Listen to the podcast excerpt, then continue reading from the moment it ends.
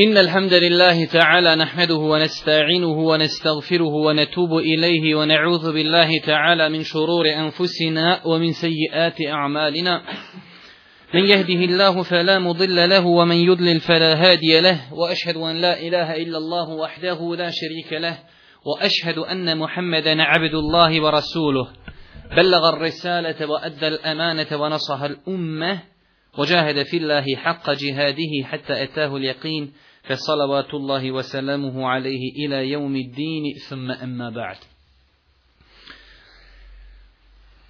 moja draga, kao što znate, mi nastavljamo sa komentarom poznatog dijela imama Nevevija 40 hadisa. Prošlog četvrtka u današnji dan smo komentarisali šesti hadis Volio bi kad bi neko sam kazao naslov hadisa. Ništa nećemo naj... Da se malo skontamo. Sedmi hadis, hadis kojeg zabilježu ima muslim, od Ebu Ruqayje Temima Ad-Darija Allahu ta'ala anhu se prenosi da Allahu poslani kazao ad-dinu nasiha قلنا لمن يا رسول الله قال لله ولكتابه ولرسوله ولأئمة المسلمين وعامتهم Ashab po imenu, imenu Ebu Rukaja, otac Rukajin. Mi imamo ovdje oca Rukajinog, šeh Saim. Znači, to je njegova kunija Ebu Rukaja, otac Rukajin, a ime haba je Temim ibn Eus Eddari prenosi da je Allah poslanik alaih salatu wasalam kazao vjera je savjet. Vjera je savjet. Kaže, upitali su ashabi, kome je vjera savjet Allahu poslaniće? Kaže, Allahu, njegovoj knjizi, njegovom poslaniku, vođama muslimana i ostalim muslimanima. Ovaj hadis kazali smo, zabilježio ga je imam muslim, rahmetullahi alihi, što znači ne postoji uopšte sumnja da li je on vjerodostojen. Imam Buharija ga nije zabilježio u svojoj zbirci zato što on ne ispunjaje uvjete koje je postavio imam Buharija za hadise koji će on spomenuti u svojoj zbirci, ali ga imam Buharija spomenuo u svojoj zbirci, ali bez lanca prenosilaca. Imam Buharija rahmetullah, je u svojoj zbirci spomenu određene hadise i to islamski učenjaci zovu ta'liq mu'allaqan. Zabilježio ga je bez lanca prenosilaca, što potvrđuje da ga je Imam Buharija smatrao vjerodostojnim, ali pošto nije ispunio uvjete imama Buharije, nije ga stavio među one hadise, znači je on citirao, znači sa lancem prenosilaca. Hadise također zabilježio Imam Nesaija, Beheke, Ibn Hibban i drugi. U rivajetu imama Ebu da stoji da je Allah poslanik, samo znači dodatak jedan da je kazao dinu nasiha, dinu nasiha, dinu nasiha.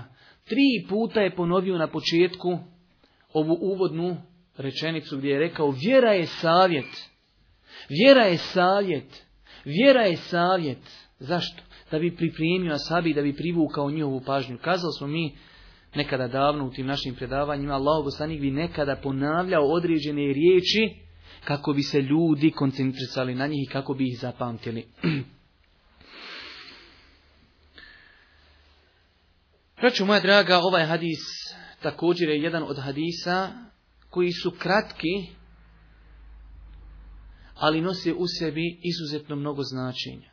Vi znate da smo na početku u prvom predavanju spomenuli da je Allah poslanik alaih salatu wasalam između ostalog odlikovan sa, jezgrovitom, sa jezgrovitim govorom.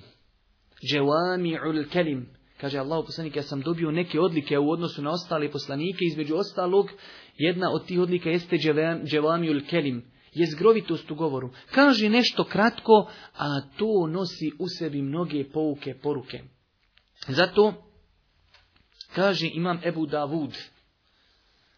Fik ovi vjeri, znači fik islama, kompletan fik, razumijevanje vjeri, kaže sadrži se, sastoji se u pet hadisa.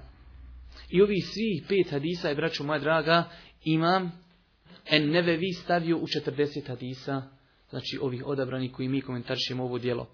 Prvi hadis Innal halala bayyinun wa innal harame bayyinun Zaista je halal jasan i zaista je haram jasan. To je hadis koji smo komentarisali prošlog četvrtka. Prošlog četvrtka. Drugi hadis nema štete niti nanošenja štete. Taj hadis je također jedan od hadisa koji će nam doći u budućnosti. Nema štete, la darara wala dirara. U islamu nema štete sebi nanositi niti drugima.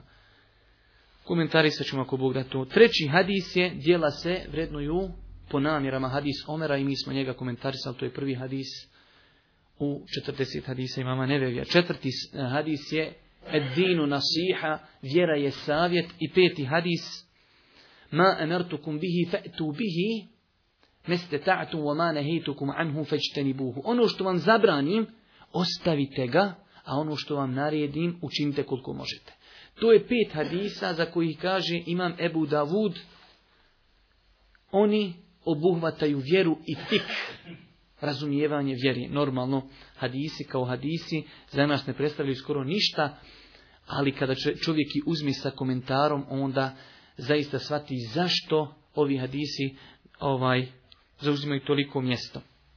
Mi smo kazali kratko da ćemo se svaki puta kada nam dođe neki novi prenosilac hadisa spominuti nešto kratko o njemu. Ja e, vidim kad smo počeli.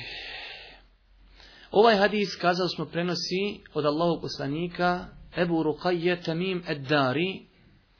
to je jedan poznati ashab, bio je kršćanin, živio je u današnjoj Palestini, a i tada je to bila Palestina, Bejtul Maqdis, i došao je Allahovom poslaniku, alaihi salatu wasalam, i primio islam. Bio je poznat potom je da je bio pobožan. Imam Begavi, rahmetullahi alihi, je zabilježio predaju sa vjerodostojnim lancem prenosilaca od Mesruka. Kaže Mesruk, bio sam u Mekki, pa mi jedan čovjek kazao, e vidiš, kaže ovo ovdje mjesto. To je mjesto Tenima Eddarija. I kaže, znao je Temim Eddari tu stati i cijelu noć stajati i ponavljati samo jedan kuranski ajet. Prijevod ajeta, misle li oni koji čine zla djela, da ćemo s njima postupiti jednako kao i sa onima koji vjeruju dobra djela čini. Da će im život i smrt biti isti, kako loše rasuđuju. Znači, zar oni što griješi, misle da ćemo na sudnjem danu prema njima i onima koji su vjerovali dobra djela činili isto postupati. A nije isto. Kaži, kako je loše to, taj način kako oni rasuđuju. I taj ajte je znao ponavljati cijelu noć do sabaha. Znači, to je jedna od odlika ovog velikog ashaba. Također ima Malik, rahmetullahi alihi, je zabilježio predaju koju je Ših Albani ocjenio vjerodostojnom, da Omer radijallahu talanu kada je, govorili smo o tome, kada je okupio ashabe da klanjaju teravih namaz, naredio je Ubej ibn Ka'bu, poznati Karija, i Temim Eddariju da predvode ljude u teravih namazu. Pa stoji u toj predaji koji zabilježio mali, kaže, oni su klanjali 11 rekiata teravih namaza u Ramazanu. Toliko dugo su učili da su ljudi donosili štapove i u namazu bi se nagijeli na štap stojeći u namazu. Kaže, počeli bi od a završavali bi negdje pred saba, samo da bi ljudi mogli otići se hurt i doći na saba. Toliko dugo su klanjali 11 rekiata, a predvodio ih je u namazu Bej ibn Ka'b i Tamim Eddari po naredbi Omera radijallahu talanu što svakako ukazuje na njegovo mjesto. Jer nije bilo lahko u to vrijeme da čovjek bude određen da predvodi ashabe Allahog poslanika u namazu. I još jedna stvar, volio bi kada bi neko nas počastio time, a da nam neko spominje po čemu je specifičan ovaj ashab. Mi smo ga jednom spominjali prije jednog pola godine i malo više. Evo, Allah Allah Kad smo držali predavanje o Deđalu, imamo dva predavanja na tu temu, izuzetno interesantna predavanja, kazali smo, kada smo govorili da li je Deđal na kraju drugog predavanja, da li je tu ovaj, pošto jedno pitanje Ibnu Sejad, da li on bio deđal ili nije, pa smo spomenuli hadis koji zabilježima muslim od Temima Edarija, odnosno od ženi koja se zove Fatima bintu Qais, ali taj hadis se vezuje za ovog ashaba, da je on došao Allahom poslaniku alihi salatu wasalam i obavijestio ga o deđalu.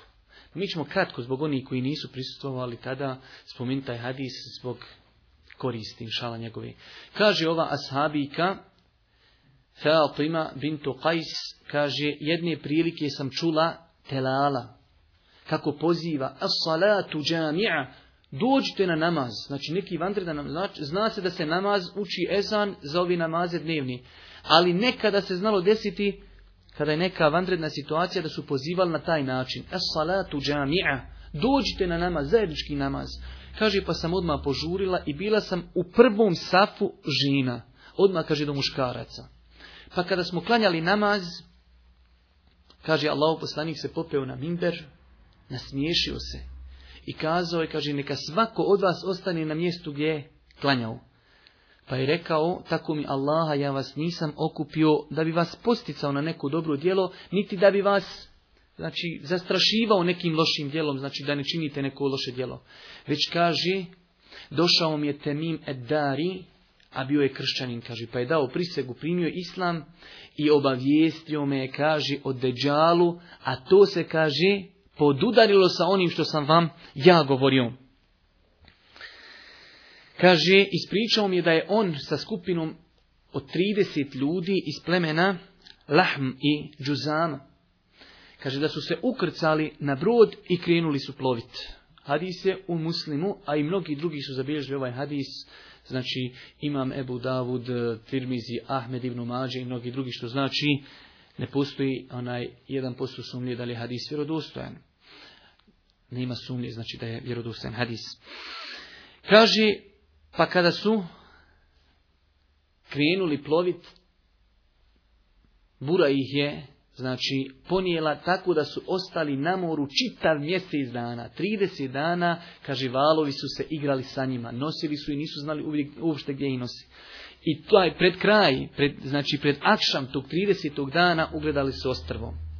Pa su sišli u čamac i otišli su na to ostrovo da vide gdje su, šta su, kod koga. Pa su, kaže, ugledali životinju ili nešto slično životinji, što je bilo toliko čupavo i dlakavo da nisu znali gdje mu je prednji kraj, a gdje zadnji. Toliko nešto dlakavo i čupavo. Kaže, pa su upisali, pitali, kažu, teško tebi, šta si ti, ko si ti? Kaže, ja sam džesase.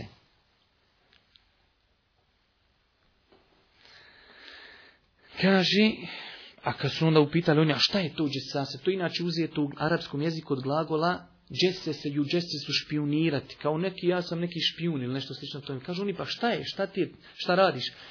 Kaže, požurite tamo, ima dvorac, kaže, otiđite tamo, ima jedan čovjek koji jedva čeka da vas vidi i da pokupi informacije od vas.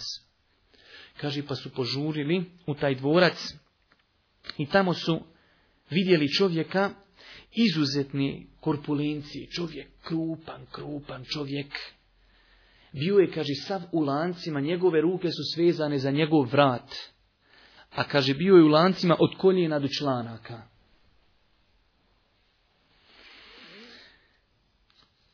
Kaže, pa su ga upitali, ko si ti? Sad, sad taj ashab, nakon toga je znači primio islam i ta skupina ljudi pitaju toga koga su zatekli krupnog čovjeka, vezan u gulanci. Kažu, ko si ti? Kaže on, nije bitno, saznaćete poslije. Već vi meni odgovorite neke stvari. Kako ste došli ovdje? Ko ste vi? Kaže, mi smo Arapi, pa smo ispričali, kaže, 30 dana smo bili na moru, more nas je nosalo i danas, pred kraj dana smo ugledali ostrovo, pa smo se iskrcali da vidimo gdje smo. Pa smo sreli nešto, kažu, ne znamo šta je životinja ili toliko dlakavo da ne znamo gdje je početak, gdje je kraj pa nam je kazalo da ti imaš ovdje, da čekaš da razgovaraš sa nama i da uzmiš vijesti od nas. Kaže, pa ih je on upitao, obavijestite me o palmama Bejsana. Znači tamo u arabskom svijetu postoji poznate palme, mjesto Bejsan. Pa pitao njih, kažite mi šta ima sa tim palmama. Kažu oni, šta te interesuje vezano za te palme? Kaže, da li one još rađaju? Kaže, oni njemu rađaju, svakako kaže, brzo će doći vrijeme kada neće više rađati. Kaže, obavijestite me o jezeru Taberije, znači to je poznato jezero. Kaže, on šta te interesuje o njemu? Kaže, ima li u njemu vode još? A ima, kaže. Brzo će doći vrijeme, kaže, kada će nestati vode u tom jezeru. I kaže, obavijestite me o izvoru Zogar. Kaže, šta te interesuje o njemu? Kaže, da li ljudi još iz njega uzimaju vodu i zaljevaju usjeve? Kažu, svakako zaljevaju. Pa je tu prešutio, nije ništa kazao. Kaže im on, a šta je, kaže, uradio poslanik, onaj koji je poslan nepismenima, ljudima koji ne znaju pisati, čitati. Kažu, prešao je iz Mekke u Medinu. Znači, već poslanik, poslanik je bio učinio hiđu. Kaže on, a zar je već to se desilo, zar je već on učinio hiđu iz Mekke u Medinu? Pa su ga pitali kakav je odnos ljudi prema njemu, pa je kazao, pa su rekli da Arapi ratuju protiv njega. Kaže, bolje im je da mu se pokori. Bolje im je da, da mu se pokori. I onda kaže, ja ću vas obavijestiti o sebi. Ja sam, kaže, Mesih Ja sam Dejjal. Uskoro će mi biti dozvoljeno, pa ću izići. Ići ću po zemlji i neću ostaviti ni jedno mjesto da neću ući u njega u periodu od 40 dana. Osim, kaže, Mekke i Medine. Kada god pođem ući u Meku ili u Medinu, dočekat će me melek sa isukanom sabljom i kaže neće mi dozvoliti da uđem niti u Meku niti u Medinu. Kaže Allahu poslanik, govori Fatima bintu Qais, kaže Allahu poslanik je uzeo svoj štap i pritisnuo uz mimber i kaže taj tajjibe, ovo je tajjiba. Ovo je kao Medina. Tri puta je ponovio te riječi. Jesam li vam, kaže, ja već govorio ove sve stvari, ovo što je veđa spomenuo, jesam li, vam ja već rekao? Pa kaže, sam jesi Allahov poslaniče svakako da jesi. Kaže Allahov poslanik, on, znači Deđal, nalazi se, kaže, u moru Šama. Pa onda kaže, ne, ne, ne, u moru Jemena. Pa kaže, ne, ne, ne, on je, kaže, prema istoku. Kaže Fatima Allahu ta'ala anha, ovo sam sve čula i zapamtila od Allahu poslanika alihi salatu wasalam. Znači ovaj ashab i ovu smatraju kao jedan pokazatelj njegove vrline, zato što je on bio na tom nivou da je Allahu poslanik od njega prenosio. Zato su ovaj, znači ovaj događaj se smatra kao jedan pokazatelj vrijednosti ovog ashaba. Zato smo mi spomenuli ukratko ovaj događaj, ovaj hadis. Braćo moja draga, pogledajte u ovaj hadis koji smo mi citirali, znači sedmi hadis imama Nerevija, vjera je savjet. Allahu poslanik želeći da ukaži koliko mjesto savjet ima u islamu, Kaži vjera je savjet. To normalno ne znači da nema drugih stvari u islamu. Kao što kaže Allah poslanik u vjerodostojnom hadisu, El hađu arafe, hađi arefat. To ne znači da nema drugih obaveznih stvari na hađu. Ima mnogo drugih stvari, obavezni ruknova hađa. Ali jedan najbitniji rukn i temelj hađa, boravak na arefatu. I zato Boži poslanik, ukazujući na bitnost arefata i boravka na arefatu, kaže, hađi arefat. Tako i ovdje kaže edinu nasiha. Vjera je savjet. Što ne znači da nema drugih stvari. Ne može čovjek kaže, evo ja ću samo savjetovat ljude i gotovo. Ja sam, znači, to je islam. Neću klanjati, neću postati. Ne. Postoji druge stvari. Ali Allahu poslanik je želio na ovaj način da ukaže koliko mjesto u islamu zauzima savjetovanje. I zato je zasigurno interesantno da se čovjek zaustavi kod ovog hadisa i zato kažemo mi nismo svjesni tih hadisa. Oni su kratki, ali nose u sebi veliko značenje. Da mi postavimo sebi pitanje gdje smo mi od ovog hadisa. Kako ga shvatamo? Pogledajte koliko mu je mjesto dao Allah poslanik. Kaže, vjera je savjet. Znači, pa eto, toliko je to veliko da to faktički obuhvata su vjeru. Da mi postavimo koliko mi prakticiramo taj savjet u svakodnevnom životu. Koliko savjetujemo druge ljude. A s druge strane, koliko smo spremni prihvatiti savjet. Jer nije samo da uvijek savjetuješ. Vidjet ćete sutra ako Bog da, jer danas nećemo završiti. Imamo mnogo interesantnih stvari. A da bi, kako čovjek treba da savjetuje? Kako se može desiti da neko se ufura? Tu učenjaci navodi. Kaže, imate ljudi koji nauči druge, savjetuje, savjetuje, savjetuje. I kada neko njemu dođe nešto, on ne može da prihvati, ne može da se pomiri s činjenicom da i on griješi da kažemo pod navodnim znacima, ufuro se. Znači ne može. Mora čovjek da bude spreman da savjetuje, ali isto tako i da prihvati savjet. Jer kao što kaže Allah u posljedniku vjerodosnom hadisu, mu'min je ogledalo mu'minu. Ti ne vidiš što imaš na sebi. Ali zato vidiš drugog. Kao što kaže tamo u onom šauskom žargonu, uvijek onaj kaže sa strane više vidi nego oni što igraju. Tako i čovjek. Ti kad si u društvu, ponašaš se, pričaš, Provaljuješ se tamo, i ti to ne primijetiš. Ali čovjek koji gleda sa strane, ima bi ti šta kazat. E sada se vraća prvo koliko je on svjestan potrebi da ti da savjet, a drugo koliko je svjestan da ćeš ti privati savjet. Koliko si ti drugim ljudima dao do znanja da si spreman da privatiš savjet.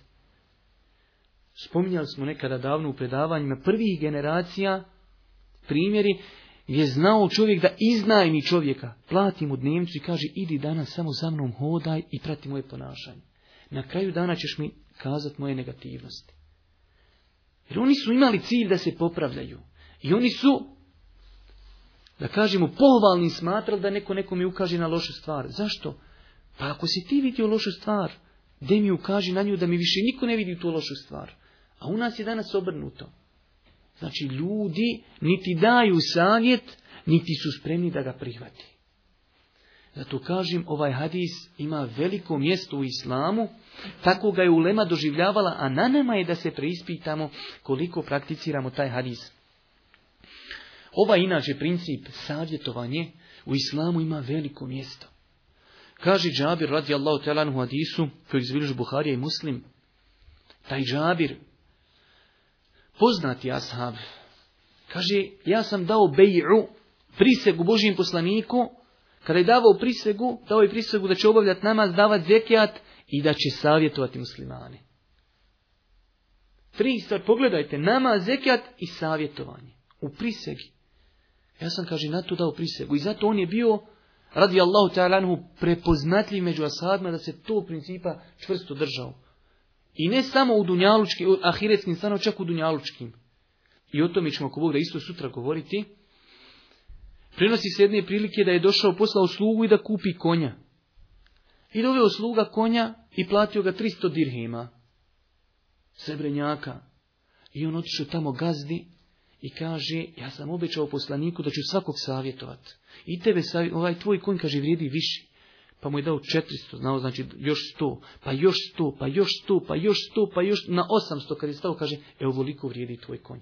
Ali ja kaže u tebi danje zato što osjećam da potreba da te savjetujem, ti si jeftino prodao konja. Njemu ga pazarju, njegov sluga njemu doveo, ali kaže, ja sam obećao poslaniku da ću svakog savjetovati. I tebe savjetujem, kaže, ovo si ti jeftino prodao, evo ti još, kaže, tvoj konj više vrijedi. Također od argumenata koji nam ukazuju, znači ovdje smo spomenuli da je Džabir spomenuo hadisu da je dao prisegu na tri stvari i za su to bitne stvari. Imamo drugi hadis koji je zabilježio, ima muslim od Ebu Hureyri da je Allah poslani kazao čovjek musliman ima prava kod drugog muslimana u šest stvari. Znači svaki musliman kod brata muslimana ima pravo, ima šest prava. Prvo pravo jeste da kada sretni brata muslimana da mu nazove selam. Drugo pravo jeste da kada te brat musliman pozove u zijare, da te pozove ovaj, na gozbu neku, na svadbu, da mu se odazoveš. I treći, kaže, kada od tebe zatraži savjet, ima pravo, obaveza ti je da ga posavjetuješ. Četvrta stvar, ako kihne pa zahvali Allahu, znači ima pravo da mu kažeš, jer hamukellah, ako se razboli, ima pravo da bude, znači da ga posjetiš i šista stvar jeste ako preseli, znači ima pravo i očekuje se da njegova braća muslimani znači isprati njegovu dženazu. Sve su ovo, braću moja draga, argumenti koji ukazuju na mjesto savjetovanja u islamu. Normalno ova tematika se usko vezuje za tematiku naređivanja na dobro, odvraćanje od zla. Zato ja nisam namjerno htio ovdje koristiti te argumente kada nam duži hadis koji govori o tome, i tada ćemo opširnije o toj tematici, a to jeste jedan opet vid savjetovanja, ali vidjet ćete znači koliko je argumenata koji potvrđuju obaveznost naređivanja na dobro odračanja od zla, a to je opet savjetovanje. Znate onaj hadis, vjerodostojan hadis kada kaže Allah poslanik, onaj, kada poredi ljude i naređivanje na dobro i odračanje od zla sa skupinu ljudi koji su bili na laži. Kaže, pa su jedni ljudi bili gore na palubi, a jedni su dole bili unutrašnje stilađi. Pa kaže, kad bi god ovi nešto trebalo im vode, kaže, uvijek bi gore prolazili na palubu, pa smetali više onima gore. Pa ovi dole kažu, pa hajde i više gore ne uznemiravamo. Hajmo mi sebi dole prokopati jednu rupicu i samo čepi fino vode i natočimo i začepiš. Jel da fino? Kaže Allah poslanik, ako i puste, oni gore, više ovi gore, nemaju sa njima ništa. Ali kaže, ako i puste, utopit će se i ovi gori i ovi doli. Ako i kaže fino posavjetuju, će se i ovi doli i ovi gore. E tu vam je, braću madra, primjer jednog društva. Ne mora znači da ako ti ništa ne radiš da ništa stradat. Sutra kada, kada se izlije sana pa odnese sanski most dole u prijedor, neće zaobilaz kuća valovi dervinu kuću i neće znači, uva, odnese se sve dole do prijedora. Uz suha gori i sirova drva. Znači, zato čovjek treba da naređuje, treba da savjetuje kako bi prvenstveno sebe spasio, kako bi skinuo odgovornost. Viš ovaj hadis, kako je to slikovit hadis i kako je to jednostavno pojašnjeno, znači za svakog da razumije. Ja što sam gore nalađi, šta mene briga, ti buši sebi dole, jest, ali ja onako dole probuši i ti ode. E tako i ovi ljudi u našem društvu. Bukvalno, kada buši ovo naše društvo i kvari ga, ako mi pustimo njih da radi šta hoće, znajte kada dođu Allahove kazne, Boga mi nama neće biti fino. Nasihat. Pogledajte samo, znači ti Arapi, zaista taj arapski jezik, riječ nasihat. Šta znači riječ nasihat?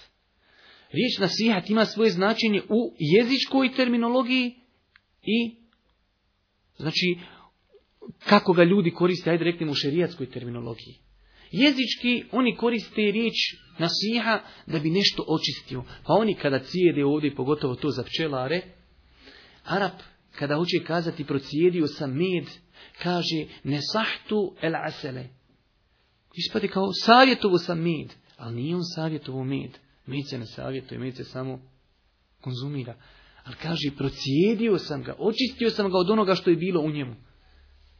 E to preslikajemo na ovu terminologiju šerijatsku, savjet ima za cilj da čovjeka baš tako procijeti, da ga očisti od onoga što mu ne doliči. Savjet, znači, ima za cilj da osobu očisti od onoga što nije dobro pri njemu. Tako mi je, vidite mi, samo to povješte s medom. Ne ide lijep, ali u njemu zna biti trunja, zna biti svašta nešto. Pa ga uzmi pčelar i procijedi, onda dobiješ lijep, čist med. E tako i čovjek ima pri sebi nešto loše. E to treba uzeti neki filter pa to straniti od njega. A kako to straniti? Savjetom ovaj braći. Također jedna interesanta stvar kako bi ako Bog da ispravno shvatili ovaj hadis. Nasihat, savjet u šerijetu se može koristiti po dva značenja. Prvo značenje to znači upotpunjavanje nedostatka. Čovjek ima nedostatak pa ga ti savjetuješ da bi upotpunio njegov nedostatak. I imate drugi način korištenja ovog termina jeste da označava pravo.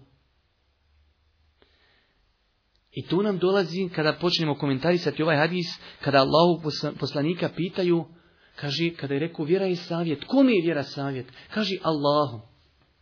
Ne može rob savjetovati Allaha. Niti možeš savjetovati poslanika, niti njegovu knjigu. Znači ovdje ova riječ savjece dolazi u drugom značenju. Pravo Allaha kod njegovih robova. Koje je pravo Allaha te barake kod njegovih robova? To je se željelo i to je se ciljalo kako pojašnjavaju svi komentatori hadisa, znači riječ nasihati savjet kada je koriste ljudi ili se koristi za onoga mi se može desiti manjkavost, tada ta riječ označava savjet. A kada se koristi prema onome ko ne može dobiti manjkavost kao što je Allah tebarka i njegov poslanik njegova knjiga tada ona ima značenje prava koja su prava Allaha kod nas i to je inšala ispravno svatanje ove tematike Znači kažu Allahom poslaniku, kom je vjera savjet? Pa kaže Allahu, šta znači savjet Allahu? Koja prava Allah tebaraka wa ta'ala ima kod svojih robova? Prvo pravo Allah tebaraka wa ta'ala ima kod svojih robova jeste da oni ispunjavaju ono što im je naredio, ali ovdje se opet vraćamo na onu riječ nasihat. Na najbolji i potpuniji način da obavljaju to. Čovjek hoće obavljati namaz da se potrudi na najbolji, najpotpuniji način da obavi taj svoj namaz. Allahovo pravo kod nas je da se pokorimo Allahu onome što nam je naredio. Također, da istinski vjerujemo u njega, bez imalo primjesa sumnje ili pripisivanja sudruga uzvišnom Allahu. I veoma bitna stvar, da istinski vjerujemo u njega onako kako se on opisao. Sam ovako razgovarao interno s ljudima kada nađem vremena. Znači imate neki sekti koji su u određenom segmentu, ajde da kažemo, pogriješili. Pa tamo kaže Allah Đelešanu se opisuje ili ga opisuje njegov poslanik sa određenim svojstvima i ne smiju to potvrditi uzvišenom Allahu. Ako Allah Đelešanu kaže da vidi, zašto mi ne smijemo kazati da vidi? Ako Allah Đelešanu kaže da čuje, zašto mi ne smijemo kazati da čuje? i tako. Znači, ono u čime se Allah opisao, mi to potvrđujemo i to je ispravno, ispravno vjerovanje da vjerujemo da Allah Đelešanhu, znači ima ona svojstva kojima je se opisao i da su to svojstva apsolutni, znači apsolutnog savršenstva. Također, od prava uzvišnog Allaha jeste i to da ga volimo, da volimo svako djelo koje vodi njegovoj ljubavi. Sve ono što ćemo mi raditi i na taj način možemo pridobiti ljubav Allah, te bar treba da to volimo. A s druge strane treba da preziremo svaki vid nepokornosti i svako djelo koje vodi onaj tomi. Također jedna interesantna stvar od prava uzvišnog Allaha jeste i to, račun moja draga, da priznajemo njegove blagodati prema nama.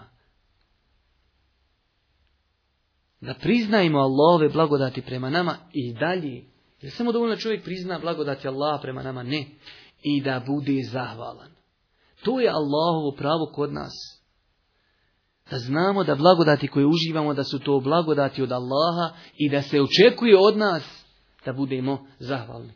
Nekad davno sam ja navodio primjer na predavanjima. Zamislite, dužiti čovjek i mjesečno, godišnji dadnijeti neki poklon, sto maraka, hiljadu maraka, deset hiljada maraka. Ti bi čitav život osjećao potrebu da tom čovjeku zahvališ. Čitav život, gdje god bi ga vidio, stidio bi se, osjećao bi potrebu kako da ja njemu uzvratim. A pogledajte Allahove blagodati prema nama. A da li smo svjesni i da li razmišljamo o tome kako da mu zahvalimo? Čovjek ima potomstvo. Allah mu dao djecu. Ima ženu. Ima zdravlje. Dao mu kuću. Uživaš mir, blagostanje, zdravlje. Mnogi je blago, zato kaže uzvišenje Allah u Kur'anu نِعْمَةَ اللَّهِ لَا Vi kada bi brojali Allahove blagodati, ne možete ih pribrojati, prebrojati. Zrak, voda, hrana, zdravlje. Šta god da kreneš, vidjet ćeš u tome Allahove blagodati prema nama. Zato, kao što bi tamo, znači u onom primjeru na Dunjaluku, trudili se da nekom je uzvratimo na njegove blagodati ono što nam je dao sto maraka ili hiljadu, a to u odnosu na Allahove blagodati nije ni trun, pa zašto se onda ne trudimo da budemo zahvalni Allahu subhanahu wa ta'ala? Drugi dio onog hadisa kada kaže vjera je savjet Allahu njegovoj knjizi. Znači ne možemo mi savjetovati knjigu, ali ta knjiga Allahov govor ima pravo kod nas. Jedno od tih prava jeste da vjerujemo da je Kur'an Allahov govor. To je pravo Kur'ana kod nas da vjerujemo da je to Allahov govor i da vjerujemo da su ljudi koliko god tehnički uznapredovali, nisu mogućnosti da smisli ili da izmisli kako god hoćete nešto slično Kur'anu. Jer znate svi tamo oni ajete u Kur'anu u kojima Allah Đeršanu poziva ljude, izaziva i kaže hajde dođite vi sa jednom surom sličnom ovom koji su u Kur'anu, pa ljudi nisu mogli. Znači to je pravo Kur'ana. Također pravo Kur'ana kod nas jeste da ga učimo. Hajrukum men ta'alleme el Kur'ane wa Najbolji među vama. Pogledajte. Su oni koji uče Kur'an i koji drugi podučavaju. Znači nije dovoljno naučiš i ti samo imaš monopol. Ja sam glavna faca u džami. Samo ja znam uči Kur'an. Ne. I vidjet ćete, ako Bog da ne volim to napominjati, ali vidjet ćete sutra. Govorit ćemo o tome da je to osobenost Islama i to nima nigdje osim Islamu. Muslimani ni u kom pogledu nisu škrti. Pa čak i ovu, vidiš čovjeka radi grije ili nešto ima pri sebi loše, savjetuješ ga, opet je to vid, nisi škrt. Nisi škrt na dobroti. Znači ne želiš da ga vidiš u tome drugi put i nisi škrt na toj dobroti koju posjeduješ, idem da mu ukažem na to. Vidiš čovjeka uče kupiti auto pokvareno, a znaš da je pokvareno, on ne zna. Ideš, savjetuješ ga. Znači, takva je naša vjera, braćo moja draga, uči nas tome da ono što čovjek posjeduje, da širi dalje. To ne možete nigdje naći u islamu. Hajrukum men ta'alleme al-Qur'ana wa Najbolji među vama su oni koji nauče učiti Kur'an, nakon toga uče i drugi. Znači, to je pravo Kur'ana kod nas da ga naučimo učiti i da ga drugima također, da druge podučajemo njemu i dalje da prakticiramo ono što smo naučili. Nije dovoljno samo naučiti i drugi podučavati. Šta više, to može biti dokaz protiv tebe. Moramo naučiti, druge podučavati i prakticirati ono što smo naučili. Također, od prava Kur'ana jeste i to da čovjek stani na njegovu stranu onog momenta kada se javi oni koji vrijeđaju Kur'an, koji ga pogrešno tumači, Znači i to je pravo Kur'ana kod nas. Kada dođe neka zalutala sekta pa kaže to što vi imate Kur'an, to je samo jedan dio, imamo mi još dva dijela, tri. Ili kada neko dođe pa počne davati izjave da je Kur'an knjiga izvor terorizma, znači tada oni koji su spremni, stručni, kompetentni, treba da podignu svoj glas jer je to pravo Kur'ana kod nas. Također, Zadnja stvar koju ćemo ako Bog da spomenuti večeras i time ćemo ako Bog da sam večeras odlučio da ne bude nešto dugo predavanje. Kaže lillahi wali kitabihi wali rasulihi. Vjera je savjet Allahu njegovom njegovoj knjizi i njegovom poslaniku. Kako, braćo moja draga, denek neko iziđe tam i ovom bratu kaže da ga svi čujemo šta priča. Kako, vjera da, kako da bude vjera savjet? Pa ti nam napravi sad veći belaj nego što je on napravio belaj. Kako vjera da bude savjet poslaniku? Opet znači, pošto je poslanik bio nepogrešiv, znači, iako znači kada to kažemo, znamo šta mislimo, ne, ne možemo kazati osim da se ovaj odnos hadis da i on ima svoja prava kod nas. I to velika prava. Prva stvar, pravo poslanika kod nas jeste da vjerujemo u njegovu poslanicu, onu poslanicu s kojom je on poslan. Da vjerujemo. Također, da vjerujemo u sve ono što je rekao, ona anil on ne govori po hiru svome, već je to objava koja mu se objavljuje. objavljuje. Tu je pravo poslanika kod nas da vjerujemo u sve što je kazao i šta? Da se pokorimo onome što je tražio od nas. Također, da budemo spremni da pomognemo poslanika i u njegovom životu i nakon njegove smrti. U njegovom životu su to mogli činiti ashabi, zato što su tada živjeli sa njim. A nakon njegove smrti, kako možemo pomoći poslanika? Možemo ga pomoći na način što ćemo širiti ono znanje s kojim je on došao. A možemo ga pomoći kada se pojavi neki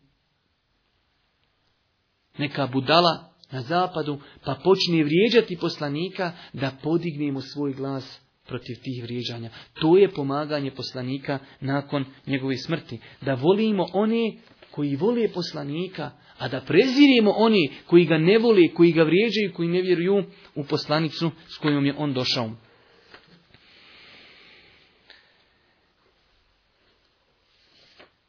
Također, kaže Allahu poslanik, znači kada ide vjera i savjet Allahu, knjizi, lillahi, voli kitabihi, o rasulihi, njegovoj knjizi, njegovom poslaniku, i onda kaže, وَاِمَّةِ muslimin vođama muslimanskim. Ovu riječ islamski učenjaci, znači, hajde kažemo, shvatili su na dva načina. Vođa muslimana može biti nju vođa kao prijesednik, kao halifa, a može to da bude učenjak, jer i učenjaci su vođe muslimana. Čak u datom momentu su bitniji nego ovi drugi. I u svakom ovom značenju, znači posebno je onaj, posebne stvari su spomenuli. Pa primjer radi, ako bi rekli da se ovaj hadis odnosi da je vjera savjet vođama muslimana, halifama i njihovim znači namjesnicima, tada to znači da musliman bude pokoran onome koje je poviš njega. Ali isto tako ako ga vidi da čini nešto što nije dobro, da ga savjetuje, da ga pomogne na putu istini, da bude na raspolaganju. Ako bi kazali da se pod ovim pojmom vođe muslimana smatra ulema, tada ulema ima svoja prava da ih savjetujemo. A šta znači savjetovati ulemu? I njihova prava kod nas. Mi smo dosta puta o tome govorili, ali nakon kratko. Čovjek treba da ima lijepo mišljenje o učinjacima. To je vid savjetovanja i to je njihovo pravo kod nas, da imaš lijepo mišljenje o njima.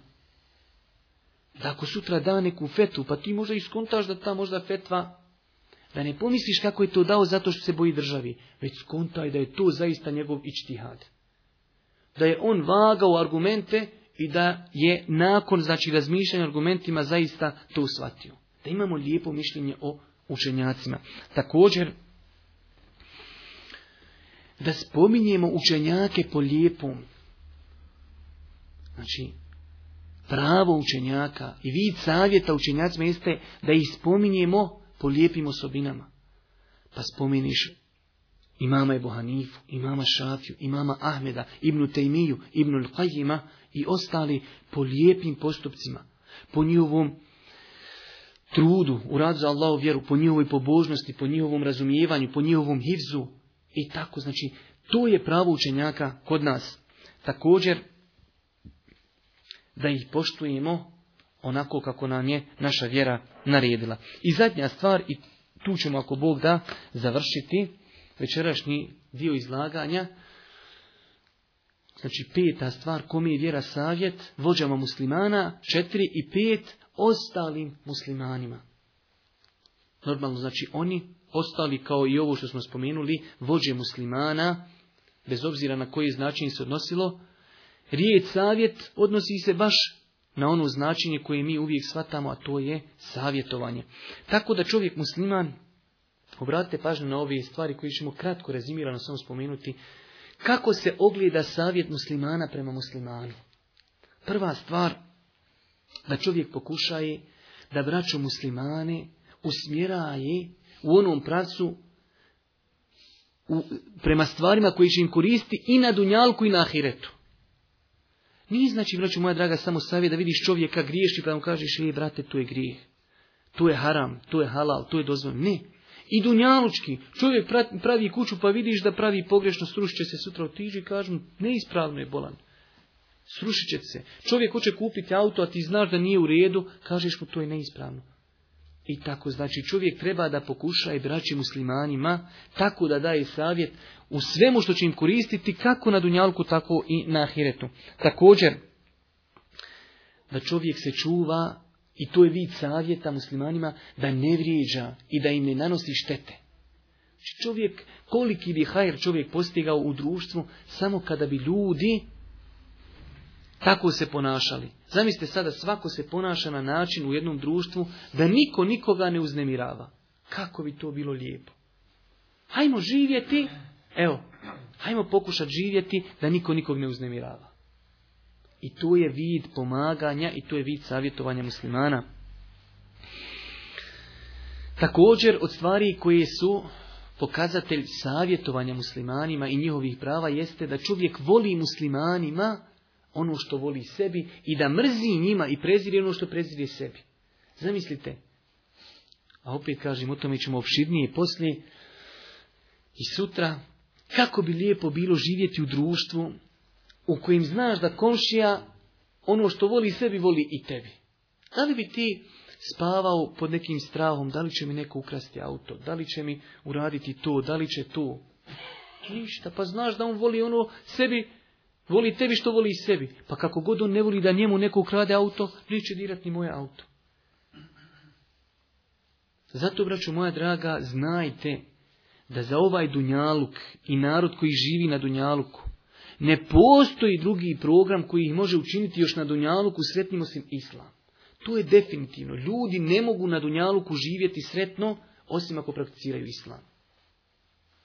Pogledajte zabludjeli zapad. Oni su mislili da ta demokratija, da je to savršenstvo prava i da je to sreća. I evo nakon koliko godina, što bi rekao, konu ono bure staro, šuplje na sve strane. Ne može. Ne možeš ti čovjek kada vidiš da čini grijehe i da mu ti na to ne ukazuješ. Kao pod plaštom demokratiji. Ne. Islam je ustrojio te stvari. Kada vidiš čovjeka da griješi, treba da ga upozoriš da tu kažemo islam, ali kompletan islam, onako kako ga je objavio uzvišenje Allah subhanahu wa to je jedini program koji može učiniti ljude da budu sretni i da žive u harmoniji na Dunjaluku. Također, čovjek treba da se čuva, da ne vara braću muslimane i treba da se čuva maksimalno da pazi na njihovu čast i na njihov imetak, na njihove živote. To je nako kratko rezimirano neka prava koja muslimani znači imaju jedni kod drugih, odnosno kako bi izgledala, kako bi izgledalo savjetovanje muslimana međusobno. Mi sutra, ako Bog da, imamo spomenuti interesantni stvari mi ćemo spomenuti ako Bog da adabe. Evo sad smo shvatili, nadam se da smo shvatili, našu potrebu za savjetovanje. I sada se postavlja pitanje kako ljude savjetovati. Druga stvar, zašto ljudi ne prihvataju savjet? To je opet jedna posebna tematika. Hajmo istraživati uzroke. Zašto ljudi kada ga neko savjetuje ne prihvataju savjet? Hajmo spomenuti koristi koji proizilazi iz savjetovanja i mnogo toga. Uglavnom, znači, pred nama je sutra ako Bog da mnogo toga.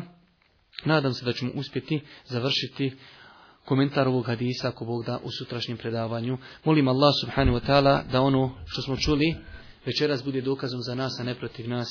Molimo ga subhanahu wa ta'ala da nas učvrsti u ovim teškim vremenima. Molimo ga subhanahu wa ta'ala da nam bude milostiv na sudnjem danu na kraju subhanaka Allahumma wa bihamdika ashhadu an la ilaha illa anta astaghfiruka wa atubu ilaik.